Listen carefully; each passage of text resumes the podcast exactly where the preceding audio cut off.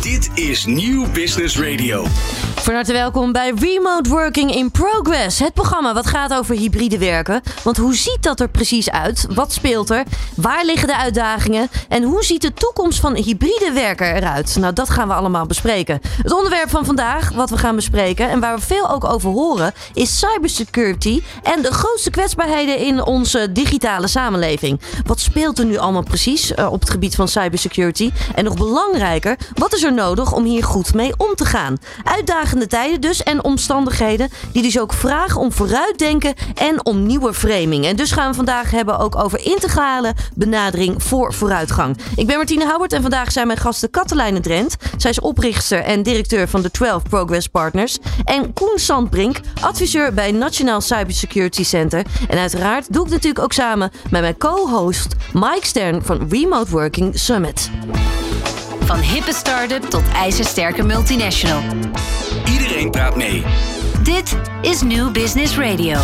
Ja, van harte welkom hier allemaal in de studio. Fijn dat jullie er zijn. Mike, jij bent er ook weer bij. Ja, dankjewel uh, Martine. Leuk om er weer bij te zijn. Ja, we hebben natuurlijk weer mooie gasten, ook weer mooie onderwerpen. Maar eerst eventjes om met jou te beginnen. Uh, ja, jij bent natuurlijk onze vaste sidekick. Er is heel veel gaande op het gebied van hybride werken. Wat, wat speelt er nu allemaal op dit moment? Ja, uh, we zien natuurlijk allemaal dat uh, uh, ja, er op een gegeven moment het, het, het, begon met het thuiswerken. Nou, dat is nu allemaal naar hybride toegedraaid. We hebben gezien de afgelopen twee jaar dat er toch wel heel veel processen ja, zijn blijven hangen. er is een soort vacuüm ontstaan waardoor er niet echt beslissingen werden genomen. Iedereen aan het kijken waar gaat het heen, hoe gaan we het doen, hoe gaan we het inrichten. En je ziet nu eigenlijk ook als je naar de onderzoeken kijkt en alles wat er zo gepubliceerd wordt, dat uh, ja, thuiswerken of het hybride werken toch echt wel een blijvertje is, zoals het dan uh, genoemd wordt. Ja. Maar ja, nu moet natuurlijk het iedereen in gaan richten. Je ziet ook dat mensen zelf ook niet meer fulltime naar het kantoor terug willen. Dus de, het moet anders. Het is ook prima. Het is beter voor het milieu. Het scheelt een hoop geld. En je ziet ook toch wel dat veel mensen zeggen, joh, wat ik normaal een kantoor op het uh, kantoor twee dagen voor nodig heb, dat doe ik thuis in een halve dag. Dus dat is op zichzelf enorm gunstig. Ja, en met de Remote Working Summit, wat overigens de volgende editie op 7 juni is, gaan we daar ook weer uitgebreid op inzoomen vanuit alle invalshoeken die er zijn. Klopt, dan schuiven er ook allerlei verschillende experts ook weer aan. Hè? Ja. En mensen kunnen natuurlijk ook gewoon echt nou ja, online ook deelnemen. En ze kunnen volgens mij ook live aanwezig zijn, toch? Ja, deze keer uh, gaan we dat doen vanuit uh, de studio's uh, van Microsoft. En daar kunnen inderdaad gasten ook vanaf de tribune deelnemen. Ja. En wat heel leuk is, we gaan er ook nog een virtuele beurs aan vastkoppelen. Kijk. Ja, waar mensen met hun eigen avatar rond kunnen lopen. En dan ja, op die manier gaan we het, gaan we het neerzetten. En, en wat heel erg leuk is, is dat we op 7 juni de Gouden Werkplekken wordt gaan uitreiken. Ja, fantastisch. Ja, dat wordt een uh, bedrijven die iets, uh, iets, echt iets heel speciaals hebben gedacht, bedacht op het gebied van innovatie, techniek, personeel, ontwikkelingen, you name it, alles wat met hybride werk te maken heeft. Die kunnen tot 15 april een case indienen. En we gaan daar vier nominaties binnen de vier verschillende categorieën op de summit uh, uitreiken vanaf ja. de virtuele beursvloer. Dus dat wordt wel heel bijzonder. Geweldig. Kunnen mensen daar ook nog weer andere partijen voor opgeven? Of hoe werkt dat precies? Ja, dat, uh, zij kunnen als, als bedrijven zelf iets ontwikkeld hebben, kunnen zij zelf een case bij ons indienen. Het staat allemaal op de website. Maar ook als zij bijvoorbeeld een klant hebben of een leverancier die dat heeft gedaan, die kunnen zij ook gewoon tippen. En die kunnen ook een case indienen. En wellicht dat zij dan ook, als ze genomineerd worden, ja, volop de komende maanden spotlights worden gezet. Ja, fantastisch. Echt een, een, mooi iets om natuurlijk ook wel naartoe te werken. Ja. En juist ook iemand anders juist mooi in de spotlight te kunnen zetten. Juist met zo'n award. Ja, klopt. En die award is ook wel heel mooi. Want het is ook. Het, het, mensen krijgen ook echt een award die ze echt op hun bureau neer kunnen zetten. Of op het kantoor of wat dan ook. En uh, ja, dat is wel iets om trots op te zijn. Want dan heb je toch wel echt uh, iets bijzonders ontwikkeld. Ja, dat gaat natuurlijk allemaal in juni plaatsvinden. Ja. Uh, eerst nu eventjes nog weer deze aflevering. Want we gaan natuurlijk echt hebben over cybersecurity. daar speelt natuurlijk heel veel op dat gebied. We hebben dan ook weer twee fantastische gasten. Ik zei het zojuist al. Hè? We hebben hier onder andere Koen Sandbrink, adviseur bij Nationaal Cybersecurity Center. Uh, Koen, van harte welkom. Fijn dat je er bent. Goedemiddag. Ja, een hele goede middag. ja, jij werkt daar natuurlijk als adviseur. En je houdt je dan ook bezig met de eindredactie van het Cybersecurity Beeld Nederland. En je, er komt dan ook iedere keer een jaarlijks rapport ook uit, hè? heb ik begrepen. Ja, inderdaad. dat wordt vooral door de Nationaal Coördinator Terrorisme, Bestrijding en Veiligheid uh, geschreven. En ik heb. Ik zit daar al negen jaar ehm, dat ik daar ook min of meer bij betrokken ben. Eindredactie doe ik het tegenwoordig niet meer, maar diverse andere dingen. Ook gewoon inhoudelijk bijdragen. We hebben een conferentie elk jaar in oktober waar ik in de programmacommissie zit. Oh, wat goed. En ik, nou, adviseur, dat is een hele brede term, maar ik doe ook heel veel heel breed werk in de zin van iedereen adviseren en, en uh, presentaties. ik schrijf ook heel veel artikelen en weblogs en factsheets. Dus ja, van alles wat. Mooi. Als we dan kijken naar cybersecurity. we horen het veel. We horen het ook veel in het nieuws. Wat is cybersecurity precies? Om daar eventjes mee te beginnen. Dat is een leuke vraag. Ja, dat, uh, dat, is eigenlijk een vraag die veel te weinig mensen daadwerkelijk stellen. Want het is een beetje een buzzword. Ja. En, en uh, ja, waar heb je het dan over? En waar het in feite om gaat, vroeger noemden we het nog informatiebeveiliging. Dat klinkt misschien iets concreter al. Mhm. Maar eigenlijk is het zo dat uh, ieder bedrijf tegenwoordig eigenlijk de, de, de, de grootste asset, hetgene van de meeste waarde voor een bedrijf, is informatie. Het gaat uh, uh, eigenlijk bij, bij ongeacht, uh, nou ja, misschien als je, een, als je een bakker bent, gaat het nog net om het brood. Maar voor, voor zakelijke dienstverlening, dat soort dingen, is informatie eigenlijk gewoon altijd je belangrijkste asset. En um, die informatie, daar kunnen verschillende dingen mee gebeuren. het, het kan gewoon lekker op straat komen te liggen als het gaat om bedrijfsgeheimen. Pardon. Uh, als het gaat om bedrijfsgeheimen, dat wil je niet op straat. Uh, als het uh, gaat om persoonsgegevens, die moet je natuurlijk vertrouwelijk houden. Daar is ook een wet voor tegenwoordig. Ja. maar daarnaast wil je ook dat die informatie betrouwbaar is. Als je de beslissingen op wil nemen, dan moet die informatie integer zijn. Dus daar gaat het ook om. klopt alle informatie die je hebt? En als laatste is het ook, de informatie moet beschikbaar zijn als je het nodig hebt. Dus ja. je systemen die die informatie voorzien, die moeten online blijven. Dus dat zijn eigenlijk de, de drie dingen waar je het over hebt als, je, als het gaat om cybersecurity. Dus beschikbaarheid van informatie, klopt de informatie en blijft de informatie geheim wanneer het geheim moet blijven. Ja, dat is echt wat cybersecurity echt inhoudt. Ja. Als we dan kijken, zijn we daar al in Nederland al voldoende mee bezig en ook bewust mee bezig met cybersecurity? Nou, het gaat de goede kant op. Uh, uh, de, toen ik in 2007 in de cybersecurity begon, uh, toen uh, merkte je wel dat er nog echt heel wat in te halen was. Um, en je ziet nu de laatste jaren is die aandacht er steeds meer. Um, zowel uh, in de politiek, in de media, maar ook gewoon op de werkvloer. Steeds meer bedrijven hebben een beleid voor cybersecurity en die hebben de juiste mensen in dienst om uh, de bedrijfsprocessen en de informatiesystemen goed weerbaar te maken. Ja, Mike, wat is jouw ervaring? Zijn bedrijven hier al wel mee bezig? Hoe, hoe zie jij dat om je heen? Nou, uiteraard wel. Ik denk niet uh, dat ook na alle voorbeelden uh, die we in de afgelopen jaren hebben gehad, uh, ook als voorbeeld de havens Rotterdam, waar het enorm misging, dat iedereen wel goed wakker geschud is. Wat mij wel alleen opvalt, en ja, daar, daar komt onze andere spreker zo direct ook om de hoek kijken, is dat, dat je ziet dat processen toch wel erg stroperig zijn. En uh, daar heb ik met Koen ook al eens eerder over gehad. Hè, dat je ziet van ja, uh, je regelt dat maar niet zomaar in. Je richt het maar niet zomaar in. Dus daar uh, kan je ook kijken van uh, moet je qua management dat misschien toch anders in gaan delen en misschien volgens andere structuren gaan werken. En waarbij denk ik ook bewust moet zijn, er zei laatst iemand tegen mij van het grootste probleem van cybersecurity zit tussen de stoel en het beeldscherm. En dat is natuurlijk ook wel iets dat het, het, het is best heel complex, maar ik denk wel dat, ik weet niet of jij het mee eens bent maar ik denk wel dat, dat ook het management toch wel inderdaad moet kijken van hoe je hier misschien met een speciaal uh, team hè, wat ingezet kan worden als er iets gebeurt, als er een incident is. Maar uh, wel uh, sneller en flexibeler kan worden op dit gebied. Daar is denk ik wel een, een nog een inhaalslag te maken. Ja, daar gaan we natuurlijk straks ook over hebben. Wat er voor nodig is om juist ook stappen te kunnen zetten. Dat brengt ons ook meteen uh, bij onze volgende gast. Katelijne Drent, jij bent oprichter en directeur van de 12 Progress Partners. Uh, jij bent ook natuurlijk gewoon uh, ja, echt een expert. je hebt al jarenlange internationale ervaring in het werken met diversiteit. Aan leiders, raden van bestuur, teams en organisaties. hoe kijk jij zelf naar cybersecurity en hoeveel merk jij dat mensen daar en, en bedrijven daar ook mee bezig zijn op dit moment? Een aantal van mijn klanten uh, is daar vanzelf mee bezig, omdat het uh, eigenlijk behoort bij hun uh, primaire proces. Maar het is natuurlijk toch een, een, een, thema waarmee je de doorontwikkeling van je eigen organisatie ook organiseert. Dus je kunt het ook aangrijpen als een kans omdat de wereld is zo complex en zo veranderlijk en zo open systeem, dat het is onvermijdelijk dat je dat goed regelt. Anders breng je de continuïteit van je eigen bedrijf in gevaar. Ja, klopt. Het is inderdaad onvermijdelijk. Maar als we dan eventjes kijken hè, naar de uitdagingen, Koen. Waar, waar, waar liggen de grootste uitdagingen voor bedrijven?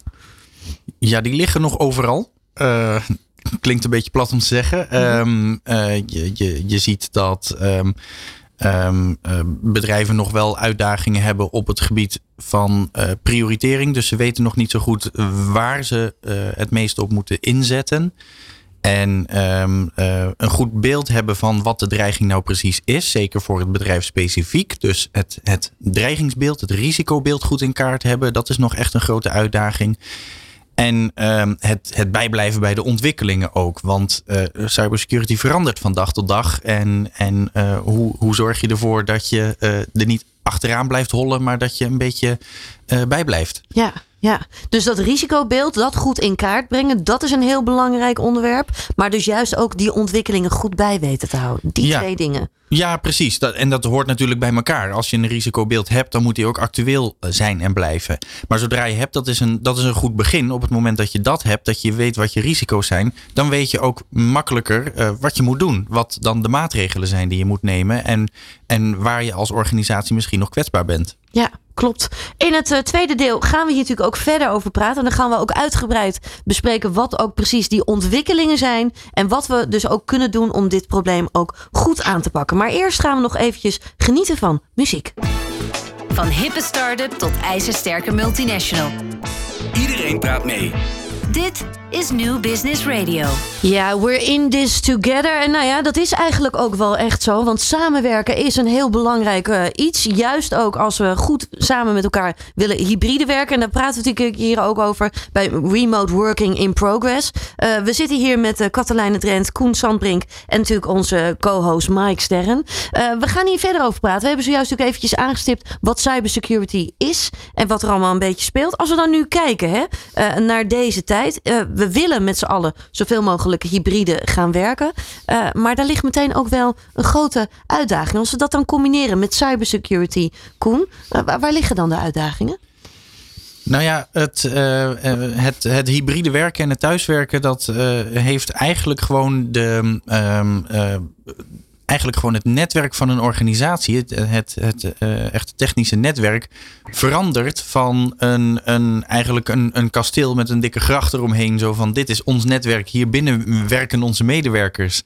Uh, en daar houdt het op, weet je wel. Dan zetten we uh, goede beveiliging naast. Heeft het eigenlijk verplaatst. Iedereen werkt van buiten. En uh, alle poorten van het kasteel moeten gewoon openstaan. Want alle medewerkers moeten in en uit kunnen lopen. Klopt. Um, en um, uh, ja, eigenlijk is, is je, je, je aanvalsoppervlak voor, voor de organisatie, dus waar je, uh, waar je kwetsbaar bent, waar je aangevallen kunt worden door hackers, dat is uh, ontzettend veranderd en, en vergroot ook haast. Want je bent niet alleen afhankelijk van hoe je zelf je eigen netwerk beveiligt, maar al je medewerkers hebben thuis hun eigen netwerkje en hun eigen systemen die beveiligd moeten zijn. Klopt. Ja, kun je ook een voorbeeld geven waar je dat heel duidelijk ziet van ja, daar gaat het dan dus ook fout? Um, nou, waar het, waar het veel fout gaat, uh, dat is dat um, um, uh, als een organisatie nog niet genoeg uh, faciliteiten kan leveren, dat het werken op afstand ook echt veilig kan gebeuren, dan zie je dat medewerkers vanuit huis dingen voor elkaar willen krijgen, omdat ze nou eenmaal gewoon hun werk zo makkelijk mogelijk willen doen. Mm -hmm. En als je dan bijvoorbeeld ziet, ze, ze willen een keertje iets printen, maar als je op je, op je werkomgeving bent ingelogd en je drukt op printen dan gaat het naar een printer op kantoor. Nou, dat wil je niet. Je wil het thuis uitprinten als je vanuit huis werkt. En wat je dan dus ziet, is dat mensen proberen een beetje om de, um, uh, om de technische beperkingen heen te werken. En die gaan dingen e-mailen naar hun privé-e-mail. En dat kan misschien om vertrouwelijke informatie gaan. En die gaan dat dan thuis uitprinten. Nou ja, kijk, wat ze met dat, met dat papiertje doen, daar kunnen ze nog heel verstandig mee omgaan. En het, en het misschien ook, uh, misschien hebben ze thuis wel een versnipperaar staan. Hè, en dat het allemaal netjes. En dat ze dan denken van, nou, ik heb geen informatie gelekt vandaag. Ja. Maar ja, het staat dan wel ineens in hun privé-e-mailbox. Um, en uh, dan, dan is dat ineens ook weer, ja, misschien staat daar een zwak wachtwoord op of, of geen twee-factor authenticatie. En dan, en dan kan die informatie daar vandaan makkelijker gestolen worden. Ja, wat dat betreft gaat het heel snel al fout, hè? Of fout, ja, tussen de aanhalingstekens. Maar voor je het weet, eh, is het al niet meer veilig, zeg maar. Ja, precies. Het is, um, een, een, veiligheid is een, is een keten die is zo sterk als de zwakste schakel. En uh, er zijn heel veel schakels in zo'n keten. Ja. En er zijn heel veel plaatsen dus waar het, uh, waar het fout kan gaan. Ja. En het is dus van belang dat een, dat een werkgever ook echt goede en veilige faciliteiten biedt aan de medewerker om het werk zo veilig mogelijk te doen. Zodat ze niet om die beveiligingsmaatregelen heen hoeven te werken. Klopt. Speelt daar uh, overigens ook niet mee. Uh, ik weet niet of jullie dat merken, maar uh, ik kan me zo maar voorstellen dat als je op dit moment kijkt, er moet zoveel gebeuren. Er gebeurt zoveel, er moeten zoveel op zoveel vlakken geschakeld worden. Dat het ehm, daardoor bij bedrijven ook gewoon uh, ja, misschien wel tussen het wal en het schip valt. Of dat het organisatorisch niet goed ingeregeld is door de organisatiestructuur. Dan kom je meteen eigenlijk weer bij het verhaal van Katelijn ook van de silo-structuren terecht. Dat, dat is, dat, is dat een oorzaak daarvan dat we eigenlijk te, uh, te log zijn geworden? Ja, je zou dat eh, wel kunnen stellen, inderdaad, dat dat, dat meespeelt. Um, wat je ziet is dat die coronapandemie er twee jaar geleden heel plotseling kwam. En organisaties moesten van de een op de andere dag omschakelen. En je ziet dat dat niet altijd even makkelijk is om al je voorzieningen en al je processen ook uh, even snel mee te laten veranderen, zodat het uh, goed kan. En als men eenmaal is begonnen om te werken op een bepaalde manier, is het makkelijk om te zeggen als organisatie zo van oké, uh, zo werkt het blijkbaar, dus dan gaan we maar op deze manier door. Terwijl ze misschien niet in de gaten hebben dat ze enorme risico's lopen. En het is wat je zegt, Mike. organisaties zijn log. Ze, ze moeten eigenlijk hun processen aanpassen. Maar op het moment dat ze merken dat iets werkt op een manier zoals het werkt, zonder dat ze doorhebben dat het onveilig is, dan, dan is er ook niet zoveel motivatie meer om er vaart achter te zetten om dan uh, toch nog die, die verandering in de, in de processen, in de maatregelen en in de techniek uh, door te brengen om, om die gaten weer te dichten. Ja, Katelijne, hoe kijk jij hiernaar? Ik denk dat het een, een continue doorontwikkeling blijft die cyber, cybersecurity. Het blijft gewoon. Dus het is de kunst om, om in de voorhoede te komen en te zorgen dat je je, voor, je voordeel ermee kunt doen. Ja. En het begint natuurlijk bij de boord. Uh, dat je echt daarin gaat verdiepen en denkt: wat is het nou eigenlijk allemaal en uh, hoe, hoe kunnen we dit op een integrale manier organiseren, zodat het niet meer geld en tijd en uh, efficiëntie kost, maar dat het ook ons het een en ander oplevert. En, en die draai, want het is ook hartstikke leuk, het is een prachtig onderwerp die uh, zie ik nog niet zo heel veel gebeuren. Ja, want wat je ook wel ziet, hè, is dat het heel vaak dan bij de IT-afdeling wordt neergelegd. Ja. Terwijl eigenlijk is het veel meer een overal iets waar je met z'n allen aan zal moeten werken, toch? Ja, het is een organisatie, organisatiebreed vraagstuk. Dus het is een integraal vraagstuk dat iedereen aangaat. En dit is wat, uh, wat jullie zeggen, de zwakste schakel bepaalt eigenlijk de kwaliteit van het geheel. Ja, je kunt je geen olifantenpaadjes meer veroorloven. Dus het vraagt om, uh, om een nieuwe zelfdiscipline van iedereen. En als iedereen dat nou ook maar doet en, en de board geeft, of de directie geeft het goede voorbeeld, dan ben je al een heel eind. Ja, ja, eigenlijk zou je hier ook wel kunnen zeggen, hier werk je natuurlijk ook veel mee met post-silo-leiderschap, integrale co-creatie. Hoe, hoe zou je dat dan met betrekking tot dit dan ook goed aanpakken? Hoe zie jij dat voor je? Nou ja, het is, het is uh, wat mijn gesprekspartner net zei. Je eerst de, risico's in kaart brengen. En kijken wat er nou eigenlijk uh, speelt. En welke informatie je sowieso nodig hebt om het goed te regelen. En er ook gewoon van buiten hulp uh, in de arm nemen. Niet voor één keer, maar als een continu proces. En zorgen dat je dat blijft uh, doorontwikkelen. En zorgt dat je het voor de organisatie zo makkelijk mogelijk maakt. Ja. En iedereen zijn werk zo optimaal mogelijk kan blijven doen. Ja, als we nu kijken. Hè, nou... Het hybride werken is voor operationeel werk heel handig, maar voor strategische ontwikkeling of strategisch werk, hè, hoe je organisatie er in de toekomst uitziet en hoe je waarborgt dat je je klanten goed kunt blijven bedienen, dat is wel een ander vraagstuk. Daar is ook nog een heel. Uh, hoofdstuk um, op te zetten en te winnen. Hoe je digitaal met elkaar op afstand aan strategische vraagstukken werkt, dat is nog best wel een, um, een kluif. Ja, en ook als je dan kijkt naar de communicatie. Normaal gesproken zou je elkaar dan nog bij de koffieautomaat bijvoorbeeld elkaar vaker spreken. Dan weet je misschien net even beter wat er bij mensen speelt of waar ze tegenaan lopen. Zodra dat iets meer op afstand al is, heb je dat ook al minder natuurlijk. Ja, de bron van organisaties is toch dat het vehikels zijn om, om samen een veel groter verschil te maken voor klanten dan je als optelsom van individuen en je afdelingen kunt. En de vraag is dus hoe je dat digitaal gaat ontwerpen en organiseren. Het gebeurt al wel, want we doen het ook. Maar daar, ehm, daar zit ook nog wel een groot vraagstuk. En hoe je dat dan digitaal ondersteunt. Ja. En met inclusief cybersecurity is natuurlijk een, een machtig vraagstuk. Ja. Ja, werken dus op het tactische niveau van beveiliging. Dat is een heel belangrijk iets. Kon, hoe, ga jij, hoe kijk jij daar dan naar zelf naar dan ook als adviseur? En hoe geef jij advies ook aan bedrijven? Hoe moet ik het voor me zien? Nou, als ik uh, bedrijven en, en ook overheidsorganisaties adviseer. De persoon met wie ik meestal praat is een zogenaamde Information Security Officer. Mhm. Dus dat is iemand die uh, nou, soms bij een IT-afdeling wordt geplaatst. En sommige, soms, uh, sommige organisaties doen dat bij risicomanagement. Maar goed, hoe je dat organisatorisch ophangt, dat, dat is dan niet het belangrijkste. Maar dat, uh, ik zei al, steeds meer organisaties nemen mensen aan uh, voor die cybersecurity. En met die mensen uh, praat ik vooral. Wat ik vooral van ze hoor is um, uh, dat, nou ja, zij, zij weten natuurlijk ook wel een beetje wat er moet gebeuren. Zij, zij kennen hun, hun, hun maatregelen wel een beetje. Maar zij hebben nog wel eens moeite met um, die manager meekrijgen. Dus dat het inderdaad op het hogere niveau in de organisatie, dat het belang gezien wordt. En dat, um, uh, dat er dus ook uh, prioriteit en budget wordt toegewezen aan de maatregelen die op dat moment nodig zijn.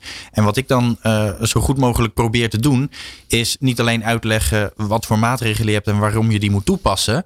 Uh, op het moment dat ze dat al weten, dan is eigenlijk uh, uh, ook een klein beetje de, nou ja, dat, dat, dat blauwe lintje van de overheid dat bovenaan een, een A4'tje wel eens staat. dat geeft wat extra gewicht aan zo'n organisatie, aan die functionaris, om tegen zijn baas te zeggen van kijk eens, de overheid vindt het heel belangrijk dat we dit doen. Maar en, eigenlijk, als ik jou goed begrijp, komt dit een beetje neer op dat je de put gaat dempen als kalverzoop is. Um, nou, dat, ik, ik probeer zoveel mogelijk preventief te werken. Wel. Nou ja, dat snap ik. Hè. Maar ik kijk dan even om wat je net zei. Dat het beseffen doordringen. Um, dat dat iets is wat ik denk ik... Uh, ja, bij, bij veel bedrijven. En dan uh, kijk ik ook even naar Katelijn. Uh, van is dat herkenbaar? Dat je ziet dat er toch een soort managementcultuur is van we dempen de put wel als het kalverzoop is. Dat hokjesysteem denken en gedrag is natuurlijk gericht op het managen van efficiëntie, kostenbesparingen en richten op winstmaximalisatie. In plaats van werkelijk focussen op waar je als geheel van bent. Dat is namelijk waardecreatie of betekenis geven in alle producten en diensten die je in de organisatie organiseert voor je klanten om hun behoeften te bevredigen. Daar zit ook een draaipunt. En als je dan ja, zo'n gigantisch vraagstuk als cybersecurity belegd bij mensen van de IT-afdeling, dat vind ik eigenlijk ook oneerlijk. Want het is niet alleen een vraagstuk voor hen. Je zou daar eh, sowieso bewustzijn voor moeten hebben vanuit de board en de hele organisatie. Ja, dat, dat ben ik natuurlijk met je eens. Ik uh, probeer alleen even in beeld te brengen dat als je ja. kijkt naar organisaties op dit moment. En dan neem ik ook even in gedachten de periode van de afgelopen twee jaar waar we uitkomen. Hè, waar alles op ja. zijn kop staat. Waar niks meer hetzelfde is. Dan nee. uh, probeer ik mijzelf ook wel eens de vraag te stellen van ja, hoe, hoe werkt dat dan precies? Hè? Wat is er nou die boardroom veranderd? Of wat is er nou juist niet veranderd op dit moment? Heb je daar een idee van? Uh, wat veranderd is, is het natuurlijk dat de aandacht heel erg uitging naar de mensen en hun welbevinden. Dat was de eerste prioriteit en vervolgens naar het werk. Maar ik denk ook dat uh, in ieder geval bij onze klanten zijn er ook uh, heel veel die hebben de kans aangegrepen om hun hele um, organisatie te transformeren inderdaad naar meer hybride werken. In hoeverre daar dan volop cybersecurity is in mee is genomen, daar, daar heb ik geen zicht op. Maar dat wordt natuurlijk wel, dat zou eigenlijk inherent eraan moeten zijn. Ja, en als je dan even naar die, naar die silo-structuur kijkt, hè, hoe, hoe, wat moet ik me daar precies bij voorstellen? Want jij hebt er een specialisatie in opgebouwd, een bepaalde kijk op adviseert bedrijven daarin. Als je daar een, uh, zeg maar een, een, uh, een stelling in, in zou nemen, hoe, hoe moet ik me voorstellen dat je daar naar kijkt als je naar organisaties kijkt? Ja, waar we tot, tot uh, vanuit onze traditie en cultuur op uit zijn gekomen, is dat we organisaties uh, in zijn gericht als een soort hark, zal ik maar zeggen. Een bestuur en dan afdelingen. En elke, elke afdeling heeft zijn eigen discipline. Ik zeg het even kort door de bocht. En wil je vooruitgang uh, organiseren, jullie zeiden het net al, dan is zo'n organisatie, zo'n structuur veel te log, omdat die veranderingen veel te snel komen. Dus je moet terug naar de organisatie als geheel en vanuit het geheel kijken Wat moeten we nu eigenlijk vervolgens gaan doen? En daar heb je nieuwe framing voor nodig. Dus eh, hoe leid je nou een organisatie als geheel? Allemaal helemaal niet ingewikkeld. Opdat je in, samenhang en verbinding die vooruitgang kunt organiseren en je doelen kunt bereiken. En dat is wat ons vak is. En dan is ook eigenlijk gewoon vreselijk leuk om te doen. Ja. Ja, ik kan me zo voorstellen dat jij dat ook wel eigenlijk zo ziet, hè, Koen? Die nieuwe framing, die is wel echt nodig binnen organisaties en binnen bedrijven. Ja, ja, de, de, nou ja, nieuwe framing. Um, um, het is, het is, um, het is inderdaad uitgegroeid van een, van een ouderwets IT-probleem, zeg maar, naar echt een, een organisatieprobleem. Uh, en, en, maar het is. Ik vind het lastig om het als een nieuwe framing af te bakenen, want die verandering is heel geleidelijk gegaan eigenlijk. Ja. En en uh, uh, wat je wel ziet is als een organisatie uh, op tijd zijn ogen open had, dan, dan, dan waren ze daar misschien wel in meegegaan. Maar als je inderdaad de afgelopen jaren daar je nog niet mee bezig hebt gehouden, dan is het nu ineens iets anders dan wat het, wat het een paar jaar geleden was. En, en ja, dan, dan kun je het inderdaad wel hebben over die nieuwe framing. Ja, Katelijn, jij wilde ook nog op reageren. Ja, je ziet het ook terug in de opkomst van het woord purpose. Of de opkomst in, van het woord uh, impact. En hier ineens wil iedereen uh, purpose uh, nastreven. En ineens wil iedereen impact maken. Dat is natuurlijk niet voor niks. Um, de, de, zoektocht is waar zit nou onze houvast? En dat blijkt inderdaad wel degelijk te zijn in die waardecreatie van organisatie als geheel. Daar zit je houvast en daar zit ook de samenhang. En dat is wat je opnieuw kunt organiseren, omdat alles er al is. Ja. Wij hebben een framing ontwikkeld waardoor je de rode draad die door je hele organisatie eh, als waardestroom loopt, te pakken krijgt. En dan kun je daar ook je houvast aan vinden. Ook met thema's zoals cybersecurity en, en bijvoorbeeld duurzaamheid. Want dat is natuurlijk ook onvermijdelijk. Daar gaan we ook allemaal uh, flink uh, mee aan de slag, denk ik. Ja, belangrijk. Ook heel belangrijk dat we daar dus ook met elkaar mee aan de slag gaan. Ja. Is het Ja. niet zo dat, uh, even naar jou toe Katelijn, als ik soms dit soort processen zie of probeer te doorzien, um, is het ook niet, niet zo dat het inmiddels wel allemaal heel erg complex begint te worden? Dat uh, het allemaal zo aan elkaar verweven zit en het allemaal actie, reactie, oorzaak, uh, you name it, alles wat je, wat je verschuift of doet, heeft wel weer een gevolg verder de organisatie in. Wordt het niet allemaal te complex op een gegeven moment? Nee hoor, de, de essentie is, is heel eenvoudig. Als je teruggaat naar de kern, dan uh, draait het allemaal om één ding, een organisatie waar je als organisatie bestaansrechten aan ontleent. Dat is die waardecreatie of betekenis geven in alle producten of diensten die je hebt voor je klanten. Dus een klantenbrede zin van het woord. Als je een knieoperatie hebt en je hebt een knie, knieprothese, dat de waarde die je daaraan ervaart is dat je straks weer kunt voetballen. Ja, nou, dat, ben ik, dat ben ik wel met je. Alles klopt hè? en je patiëntgegevens zijn veilig en je, en je factuur klopt en, en alles is op elkaar uitgelijnd en iedereen doet vanuit die silo's mee aan het geheel. Uh, want je hoeft die silo's niet op te heffen maar, je, heffen, maar je ziet dat geheel weer. En, en je snapt weer waaraan je bijdraagt. En dus kun je ook je processen innoveren en transformeren met elkaar. En dat is wat je als leiding, volgens mij, um, nu te doen staat. Dus niet het managen van de silo's, maar het leiden van het geheel. En Ja. dat is magnifiek. Zo machtig interessant. Ja, Dus mag, ik, ik eh, doe alleen de oproep dat het gewoon heel erg leuk is. Eh, Waarom moeten we altijd opzien tegen zulke thema's als cybersecurity? Ga er aan staan en dan zie je hoe interessant het is. Ik heb net weer opnieuw een boek gelezen van Huid. Nou, het is gewoon, uh, ja, je moet je erin verdiepen, maar dan kom je er ook. Dus, uh, en zeker niet alleen doen. Je kunt het natuurlijk ook met een aantal maten in je organisatie doen. Zeker, maar wat Mike zegt, ik denk wel dat, dat je daar wel een mooi punt aanstipt. Want het is natuurlijk wel zo dat het, het, het verandert wel. De manier van werken verandert. Ook Zeker. binnen zo'n board zal je ook Ja. anders moeten kijken van... hé, hey, hoe gaan we dit goed aanpakken? In plaats Ja. van dat je het inderdaad voorheen alleen maar bij de IT-afdeling legt... of daar eh, de verantwoordelijkheid legt, heb je dat zelf Ja. in één keer te doen. Ik denk dat heel veel mensen dan, dan ook misschien bijna voelen... ja, ik moet bijna een soort expert nu zijn... eh, ook van dit onderwerp, maar dat ben ik helemaal misschien niet eens. Eh, Koen en Mike, hoe kijken jullie daarnaar? Vinden mensen dit lastig? Is dit ook een soort uitdaging, zeg maar? Hoe je hier nou goed mee omgaat, ook organisatorisch gezien? Wil ik even één tussenstapje maken? Ja, Dan, eh, even, eh, sorry. even terug naar uh, Katelijn toe. Op het moment dat je nou als bedrijf uh, zegt met een cybersecurity incident te maken hebt. of dat er iets anders speelt binnen de organisatie. Want het is op dit moment zijn er ook veel organisaties die natuurlijk, zoals die Chinees met die tien bordjes op zijn stokjes, alles in de lucht aan houden zijn. Ik kan me voorstellen als ik daar in de board zit en ik ga op een gegeven moment opstaan en ik zeg, joh. Laten we nou gewoon eens met z'n allen weer teruggaan even naar de kernwaarden van het bedrijf. En kijken hoe houden we onze klanten tevreden en leveren het op een top kwaliteit. Dan kan ik me voorstellen dat dat niet bij iedereen even goed landt op dat moment. Dat het een heel hoog uh, zweefgehalte in één keer hebt waar ik mee bezig ben. Of zie ik dat verkeerd? Nou, maar dan ben je ook natuurlijk te laat.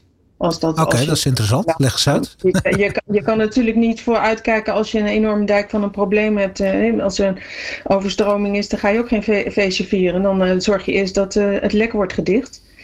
dus ja, ondernemen is vooruitzien.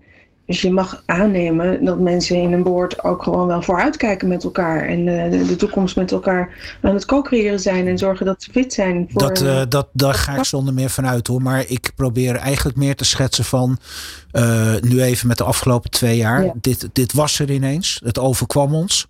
Dan ja. zit je al in een heel complexe uh, organisatie of bedrijfsproces. en in één keer is niks meer hetzelfde. Er staat alles op zijn kop. En dat was eigenlijk wat ik bedoelde. Dat er gewoon zoveel aspecten in één keer bij zijn gekomen. die voor ons totaal nieuw zijn, onverwacht, ja. waarop geschakeld moet worden. En in die context probeer ik het eigenlijk eventjes te zien op dit moment. Ja, na dat eerste half jaar, toen hadden mensen altijd, hadden ze eigenlijk alles wel weer een beetje onder controle. En toen kwamen ze eh, ook weer terug met strategische vragen en zeiden, ja, nou krijgen we toch wel genoeg van dat uh, in kringen draaien. We willen ook weer vooruit. En dan is er wel een moment daar dat je zegt, oké, okay, laten we dat dan van binnenuit met jullie organiseren. Maar als je dan, als je dan even naar één aspect kijkt, en dan kom ik bij Koen terug. Hè. Koen, als ik... Uh, wat ik, wat ik constateer is dat, uh, waar we het net over hadden, de cybersecurity, enorm belangrijk. Het kan gewoon je hele bedrijf kapot maken als het uh, uit de hand loopt. Uh, dan zou je toch zeggen dat heeft echt de hoogste, hoogste prioriteit die je maar kan bedenken. En als ik jou hoor, uh, is dat niet zo. Dan, ja, oké, er moet wat gebeuren. We zijn bezig, maar ehm, dat vind ik wat vreemd. Ja, ja, nou ja, het, het, ik kom dan eigenlijk terug bij, bij wat ik in het begin zei: uh, dat het risicobeeld nog niet uh, altijd duidelijk is. Dat ja. een bedrijf nog niet zo goed weet wat uh, de potentiële schade nou kan zijn van, van een digitale aanval. En, en daarom vind ik ook dat het heel belangrijk is dat organisaties die risico's goed in kaart hebben kunnen brengen. En, en zodat je ja, de boodschap hebt aan het management: zo van dit is wat er kan gebeuren. En dat kan inderdaad echt uh, gewoon het einde van je bedrijf betekenen in sommige gevallen. En uh, uh, op dat moment uh, heb je hopelijk met zeg maar nog een theoretisch verdronken kalf, kun je in ieder geval um, wat, wat budget vrijmaken om, om de put te dempen. Ja, maar is dit soort informatie dan zo slecht bereikbaar of te, te vinden? Want dan zou je toch zeggen dat het heel erg voor de hand liggend is. Of zijn mensen naïef? Um, naïef zou ik niet willen zeggen. Nou, het is, het is gewoon een, een, een nog zo'n jong probleem. We zijn allemaal niet opgegroeid met, uh, nou, met okay. deze notie. En, ja. en dus zijn we niet, niet echt gewend om daar uh, goed over na te denken. En uh, daarom is het dus zo dat uh, ja, informatiebeveiliging of cybersecurity nog echt een specialistisch vak is. Waarbij je uh, een, een, een goed opgeleid persoon in dienst moet hebben die de, de risico's begrijpt en ze dus goed in kaart kan brengen. Ja, Katelijn. Ja, ik heb daar ook nog over nagedacht toen jullie me uitnodigden. Er zijn nog twee andere dingen en dat is ons allemaal eigen. Dat we pas dingen geloven als we ze zelf ervaren. Dus, als je ze uh, niet ziet, zijn ze er niet. Nee, en, en dat er mensen zijn die belang bij hebben om zich toegang te verschaffen digitaal tot jouw organisatie en daar jouw processen te komen te verstoren. Dat is dan heel moeilijk je voor te stellen, maar die zijn er. Die hebben daar plezier in, of ze zijn op geld uit of uh, op uh, gegevens die uh, eigenlijk de concurrent graag wil hebben. Um, en, en het is gewoon een, een realiteit. Dus de kunst is om um, het gevaar in de ogen te kijken en te denken, ja, wat, wat kunnen we doen? In ieder geval in de basis. En wat voor gedrag hoort daar dan bij? Want ik, ik zei dat serieus van die olifantenpaden. Er hoeft er maar één te zijn die uh, weer een applicatie meeneemt naar het werk. En er zit toevallig dat virus in. En je, bent weer, je kunt van vooraf aan beginnen. Ja. Dus je, je moet gewoon de zaak wel heel erg goed doordenken. Dus er zit een technische component aan, een procescomponent en er zit een menselijke component. En als, eh, als leider, als directie, geef je gewoon het voorbeeld. Als je het zelf niet doet, dan doet de rest het ook niet. Zo Nee, het, het eh, het grappige is wel dat ik mezelf er nu ook op betrap. Dat ik, ik zoiets heb van ja, maar dat, dat, dit is toch logisch. Dat, dat heeft iedereen toch geregeld. Maar dat is dus eigenlijk eh, wat Koen net aangaf. eh, Ja. Omdat het nog een redelijk nieuw tussen haakjes fenomeen is. is het nog niet voldoende geland. dat is wel duidelijk. Nee, wat dat Nee. betreft zien mensen het nog niet helemaal helder. Of in ieder geval nog niet iedereen. Daar gaat het volgende nummer ook trouwens over. Too blind to see it. En daarna gaan we ook verder praten over de ontwikkelingen en de toekomst. Van hippe start-up tot ijzersterke multinational. Iedereen praat mee. Dit is New Business Radio. Je hoort het natuurlijk, hè? We hebben natuurlijk heel veel met elkaar eh, te, eh, te bespreken hier zo. We hebben natuurlijk ook al heel veel met elkaar besproken. Eh, maar Koen, om nog eventjes verder met jou te gaan. En jij adviseert natuurlijk heel veel verschillende bedrijven en organisaties. Als we dan kijken, hè? we hadden het er zojuist al over. Wat belangrijk is, hè, dat risicobeeld in kaart brengen. Maar juist ook al die ontwikkelingen ook goed bijhouden. Toch eventjes, waar moet je echt beginnen? Wat is nou echt de basis? Hè? Dus als jij nu met een partij zou zitten, waar begin je dan echt als je het hebt over cybersecurity? Ja, op het moment. Moment. Ja. Ja. Op het moment dat een eh, eh, organisatie dus die, eh, eh, dat risicobeeld heeft en, en, en weet waar ze aangevallen kunnen worden, ja, dan, dan eh, kun je op een gegeven moment concreet worden met eh, ja, wat, wat voor maatregelen ga je dan toepassen. En eh, daar hebben wij eigenlijk een set van basismaatregelen voor die we eigenlijk altijd herhalen. De belangrijkste eh, die we altijd noemen, dat is patch management. En dat is eh, gewoon een proces om ervoor te zorgen dat je alle updates van alle software die je draait altijd toepast. Ja. En als je een heel grote organisatie bent met een hele uitgebreide IT-afdeling en heel veel applicaties moet ondersteunen, moet je dat dus allemaal goed bijhouden en ervoor zorgen dat het onderling allemaal blijft werken. Dus dan moet je zo'n update altijd eerst eventjes testen in een aparte omgeving eh, voordat je het op alle eh, werkplekken uitrolt. Nou, bij, voor een wat kleinere organisatie is het wat makkelijker om dat gewoon wat directer te doen of misschien zelfs gewoon de automatische updates aan te zetten, eh, zodat in ieder geval alle bekende kwetsbaarheden in software geen, ehm, eh, geen gevaar meer voor jou opleveren. Nou, dan ga je kijken naar ehm, eh, ja, authenticatie. Dat is dus hoe je je, je eh, medewerkers, maar ook je klanten en je beheerders eh, eh, identificeert op je netwerk. Ehm, dus dat gaat, eh, nou ja, de meeste mensen kennen natuurlijk gewoon het wachtwoord. Dat is een authenticatiemiddel. Eh, maar met, met phishing aanvallen eh, kan zo'n wachtwoord worden gestolen. Dan krijg je zo'n nepwebsite voorgeschoteld waarin iemand zijn wachtwoord intikt. En dan, nou ja, dan is zo'n account dus gekraakt. Dus daarom zeggen we altijd, kijk naar multifactor authenticatie zoals we dat noemen. Oftewel dat je een tweede stap aan die authenticatiestap aan, aan het wachtwoord toevoegt. dat je een extra code moet invullen die je bijvoorbeeld op je telefoon krijgt. En um, als je nog een stap verder wil gaan, dan krijg je uh, um, um, uh, zelfs de zogenaamde phishing-resistente authenticatie. En dat is dat je met, met uh, echt fysieke sleutels die je in de USB van je, van je computer steekt, dat je, dat je een sleutel erin steekt of dat je met gezichtsherkenning authenticeert.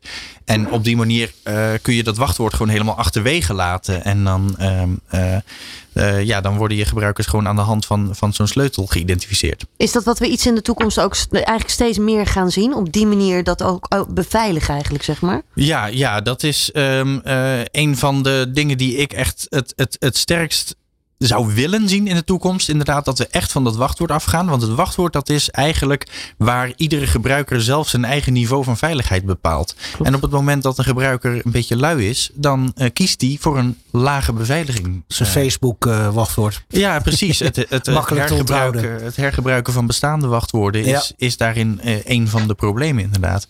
En, en uh, wat ik dus echt zou willen in de toekomst, is dat we daar helemaal vanaf stappen. Dat we, dat we gewoon geen wachtwoorden meer gebruiken en dus alleen nog maar die sleutels. Zodat uh, jij als organisatie zo'n sleutel kunt uitgeven en jij bepaalt wat de sterkte van die sleutel is. Ja. En dan heb je als organisatie veel meer grip op die, eh, op die veiligheid. Ja, wat je natuurlijk ook veel hoort, hè, is natuurlijk altijd die iris-scan, hè, of, of nou ja, zo'n zo'n vingerafdrukscan eigenlijk, zeg maar. Ja. Hè? Eh, gaan we dat ook steeds meer in de toekomst zien, denk je? Ja, ik denk dat dat wel de kant is die we opgaan. Eh, wat mensen in het begin altijd een beetje eng vinden, Ja. is zo van: kijk, als, als, als je wachtwoord wordt gestolen, dan kun je je wachtwoord veranderen. Als je vingerafdruk wordt gestolen, kun je niet je vingerafdruk veranderen. Dat is nog even een probleem. En daarom moet je altijd goed opletten op hoe je dat technisch eh, eh, realiseert. Dat eh, vingerafdrukken niet in een centrale database worden opgeslagen waar ze zomaar uit gestolen kunnen worden. Maar dat op het moment dat jij een apparaat hebt, een laptop waar je op werkt of een, of een telefoon, dat alleen op dat apparaat die vingerafdruk van jou bewaard wordt. En eh, ja, dan, als je dan dus het apparaat van iemand anders leent, kun je die niet zomaar gebruiken. Want daar staat je vingerafdruk dan niet op.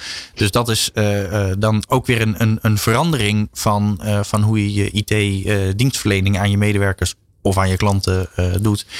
Ehm, maar ehm, eh, het is echt heel belangrijk dat je dus die, die biometrische informatie, hetzelfde gaat, geldt voor gezichtsherkenning of een iris-scan, dat je dat dus niet zomaar ehm, eh, centraal opslaat. Want eh, dan, dan maak je het jezelf alleen maar onveiliger eigenlijk. Ja. Maar het zou wel voor de, de, de, de situatie die er nu is ontstaan. Hè, het kasteel waar nu in één keer allemaal vertakkingen aan zitten van mensen die dan hybride werken. Zou dat natuurlijk wel qua veiligheid een enorme stap voorwaarts zijn.